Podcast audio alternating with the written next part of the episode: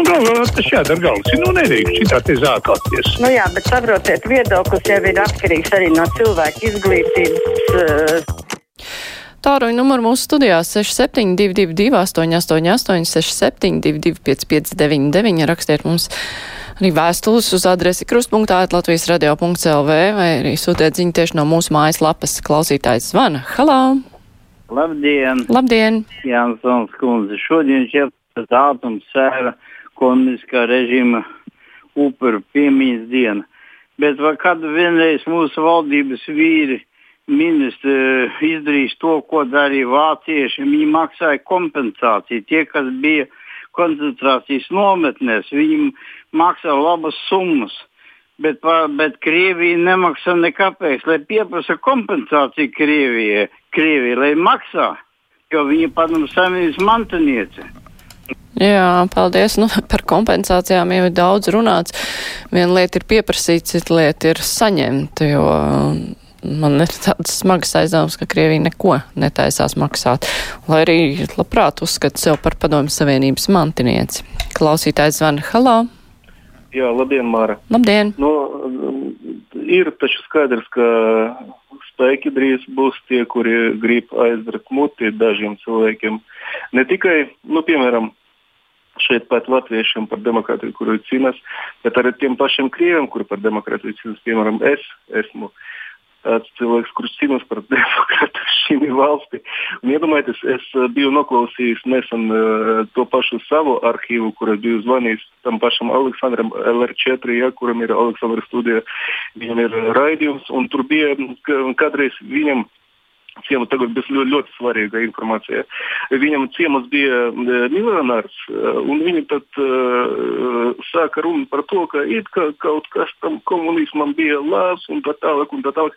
Es piezvanīju un saku viņam, klausies, kungs, tu man liec šeit, man deguna priekšā šo čemodānu ar miljonu. Es nebraukšu ne uz vienu šo socialistisko valsti, kuru šobrīd eksistē uz planētas. Nebraukšu vienkārši pat kā turists. Un iedomājieties, ja atnāks, piemēram, stingri spēki, kuri sāks izsekot, kurš ko teica. Un tad izrādās, ka es esmu tad, uh, komunisma ienaidnieks baigais, jo es pilnīgi atklāti biju paticis, ka es uh, labāk palikšu nabadzīgs cilvēks, bet no savas politiskas iestājas es neatteikšos. Un tā arī būs tā arī turpmāk.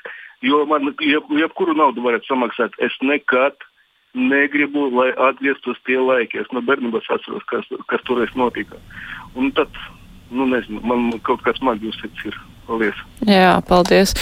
Es pievienojos, es arī ne par ko negribu, lai atgrieztos tie laiki, jo par spīti nu, kaut kādām tādām labām lietām, kas varbūt ir notikušas, un katra cilvēka dzīvē jau kaut kas ir vienmēr noticis labs, bet tas viss taču ir jāskatās kompleksi.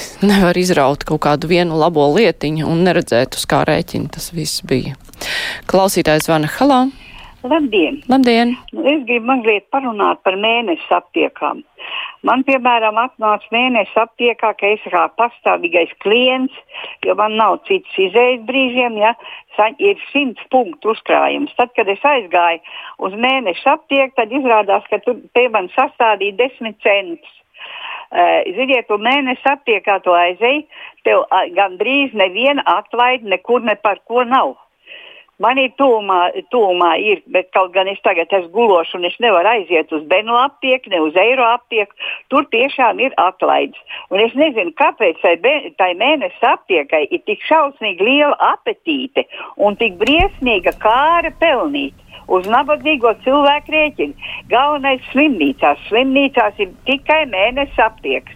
Un tur tu ej vienalga, kāda nauda tev prasa, tāda tev jāmaksā. Mēs taču esam nabaga valsts.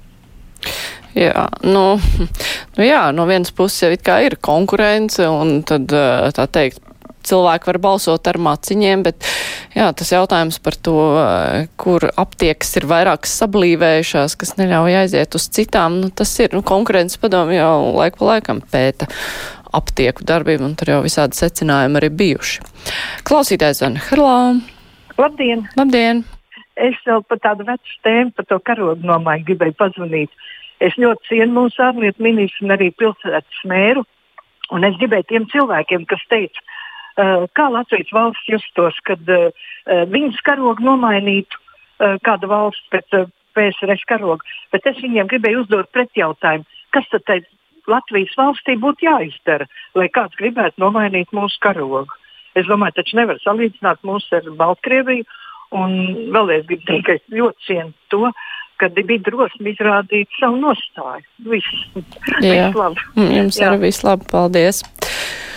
Alīna raksta, nu šis kungs jau runāja trīs aivara devas, tas bija par zvanītāju iepriekš. Jā, bet šis kungs jau sen nebija zvanījis, vismaz manos raidījumos ne.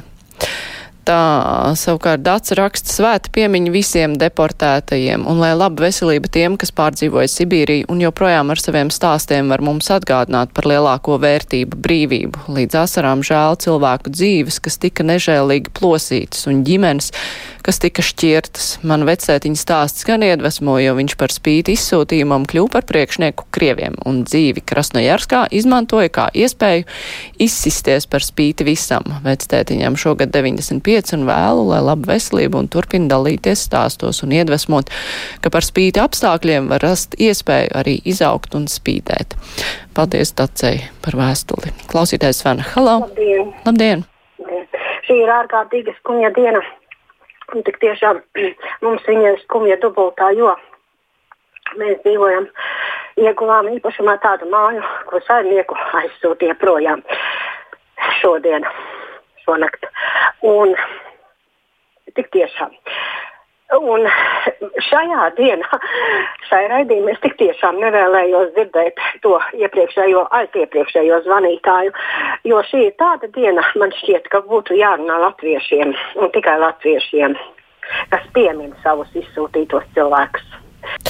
Jā, nu, es tomēr nepiekritīšu, jo izsūtīti tika ne tikai latvieši un cieta no padomu režīma ļoti daudz cilvēku, un ne tikai latvieši. Un tomēr ir svarīgi, ja cilvēks nu, šajā gadījumā paust visiem savu viedokli, jo te ir runa. Jā, protams, par dienu, kad tika izsūtīti cilvēki, bet tomēr nu, tas notika šai padomju režīmu laikā, un tas arī ir jāvērtē kopumā. Un tāpēc jā, jāļauj runāt ir visiem. Klausītājs zvana. Halo! Labdien, attiecībā par mūsu eglīti labklājības ministru. Nu, viņš tur pateica to, ko visi zināja, bet neviens publiski negribēja atzīties. Nu, tā ir viņa nelaimē. Bija kādreiz tāds šausmas vaknā, ko Dmitrijs Nagievs vadīja. Viņš teica, mēs daudz ko darām nekītru, bet mēs neviens par to nerunājam, un tad ir labi. Un kā tikai kāds sāk runāt, tā uz viņu rāda ar pirkstu, jo viņš atklāja to, ko citi dara, bet nerunā. Un tāpat ir arī ar Latvijas rādio. Mēs taču zinām, ka ir mīļi zvanītāji un netik mīļi, un ne jau biežums te galvenais, bet galvenais, ko runā. Ja atmasko mūsu vārtarus, ja parāda viņa īsto sevi, ja parāda, kam kalpo viņa un žurnālisti, no tad tam cilvēkam runāt netiek ļauts. Bet savukārt, ja viņš tur stāsta par laikapstākļiem, par sunīšiem, hakīšiem vai arī slavē mūsu vārtarus un saka, cik visi žurnālisti gudri un pareizi, tad viņam var ļoti bieži ļaut zvanīt un ļoti ilgi ļaut runāt.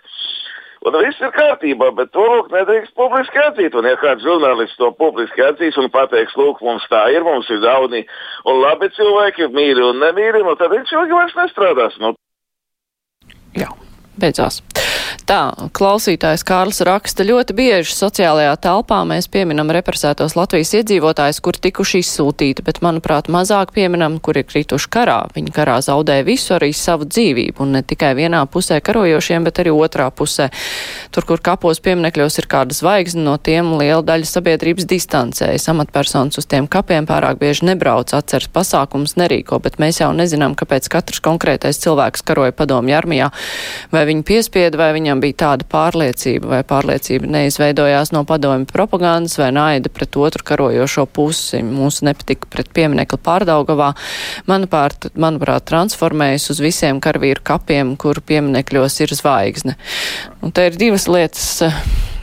Jā, mēs pieminam represētos un varbūt uzskatām, ka tas bija traģiskāk, bet nu, tas skāra ne tikai vīriešus vai sievietes, kuri karoja, bet ģimenes, bērnus, vecus cilvēkus. Nu, Tāpēc tas liekas vēl šausmīgāk un trakāk, ka tas skar mierīgos iedzīvotājus. Jo, protams, ka tie, kuri tika aizsaukti karā un negribēja iespējams karot. Un es domāju, ka vairums negribēja karot nevienā, ne otrā armijā, un arī viņi pirms tam bija mierīgi iedzīvotāji. Tomēr, nu, ne, nu, tas arī ir traģiski, jā, bet uh, sal, es pat negribu salīdzināt ar represijām. Tās viss, tas viss ir uh, traģiski mūsu vēsturē, un uh, tas, ka nepiemin tos cilvēkus, kuri guļ padomju kapos, nu, jā, varētu būt ne jau tas, ka nepiemin, bet varbūt piemin mazāk. Un, Nu, tas piemineklis pārdaugavā, jā, ir sabojājis attieksmi savā ziņā. Un ne, ne jau pats piemineklis, bet tas viss, kas ap to ir veidojies. Nu, tā kaut kā. Klausītājs zvana. Halo! Halo, labdien! Labdien! E, nu, te no Rojams jūs. E, nu, es arī gribētu, nu, nerunāsim vairs par tiem trakiem komunistiem, un, bet mums jau pašiem augstākā eselonā ir visādi. Žēl, ka tie pērkonkrustieši toreiz tai uzvaras laukuma neuzspēra gaisā to. Ka tur paši kāds iekrīt. Bet ne par to ir runa. Runa ir par mūsu laikiem, kad e, mēs barikāžu aizstāvam. Puse vēl neesam uh, atzīti par, par aizstāvjiem, jo nav izsniegts Ipiķos, no Ipiķa pagastes gāja, un mēs tur vairāk pats pagājušajā gadā vai aizpagājušajā gadā pompos tika uztaisīts uh, sajiet pagastu pārvaldnieks solīja kārtot jautājumu, lai tiktu mēs cilvēki atcerēties, e, kā cīnījāmies un, un braucām uz barikādēm. Bet puse taču Latvijā nav atzīta un, un, un nav ne, nekāda apliecinoša dokumenta, ka tie cilvēki būtu kaut ko darījuši.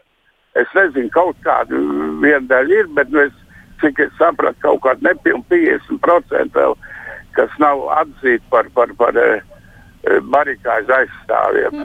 Jā. Nu, ļoti skumji, mm. un nevienam tas neinteresē, jo mums ir tik daudz muts bajāra augšā. Viņi... Jā, nu jā, tā ir, ka daudzi, nu, kas, kur tur bija, tā arī nav atzīti. Klausītājs raksta, es pilnīgi pievienojos zvanītājiem. Man kā invalīdam kopš bērnības LPSR invalīda pensija bija 25 rubļi. Vai tas bija jauki? Nē, nē, nē kategoriski. Tā mums raksta klausītājs arī par tā sauktajiem padomju labumiem. Bet brīvais mikrofons ar to arī izskan. Tagad būs ziņas, bet eh, pēc tam būs kruspunktā lielā intervija, un šoreiz tā būs ar vēsturu zinātņu doktoru Tomu Čikutu. Tagad klausieties ziņas.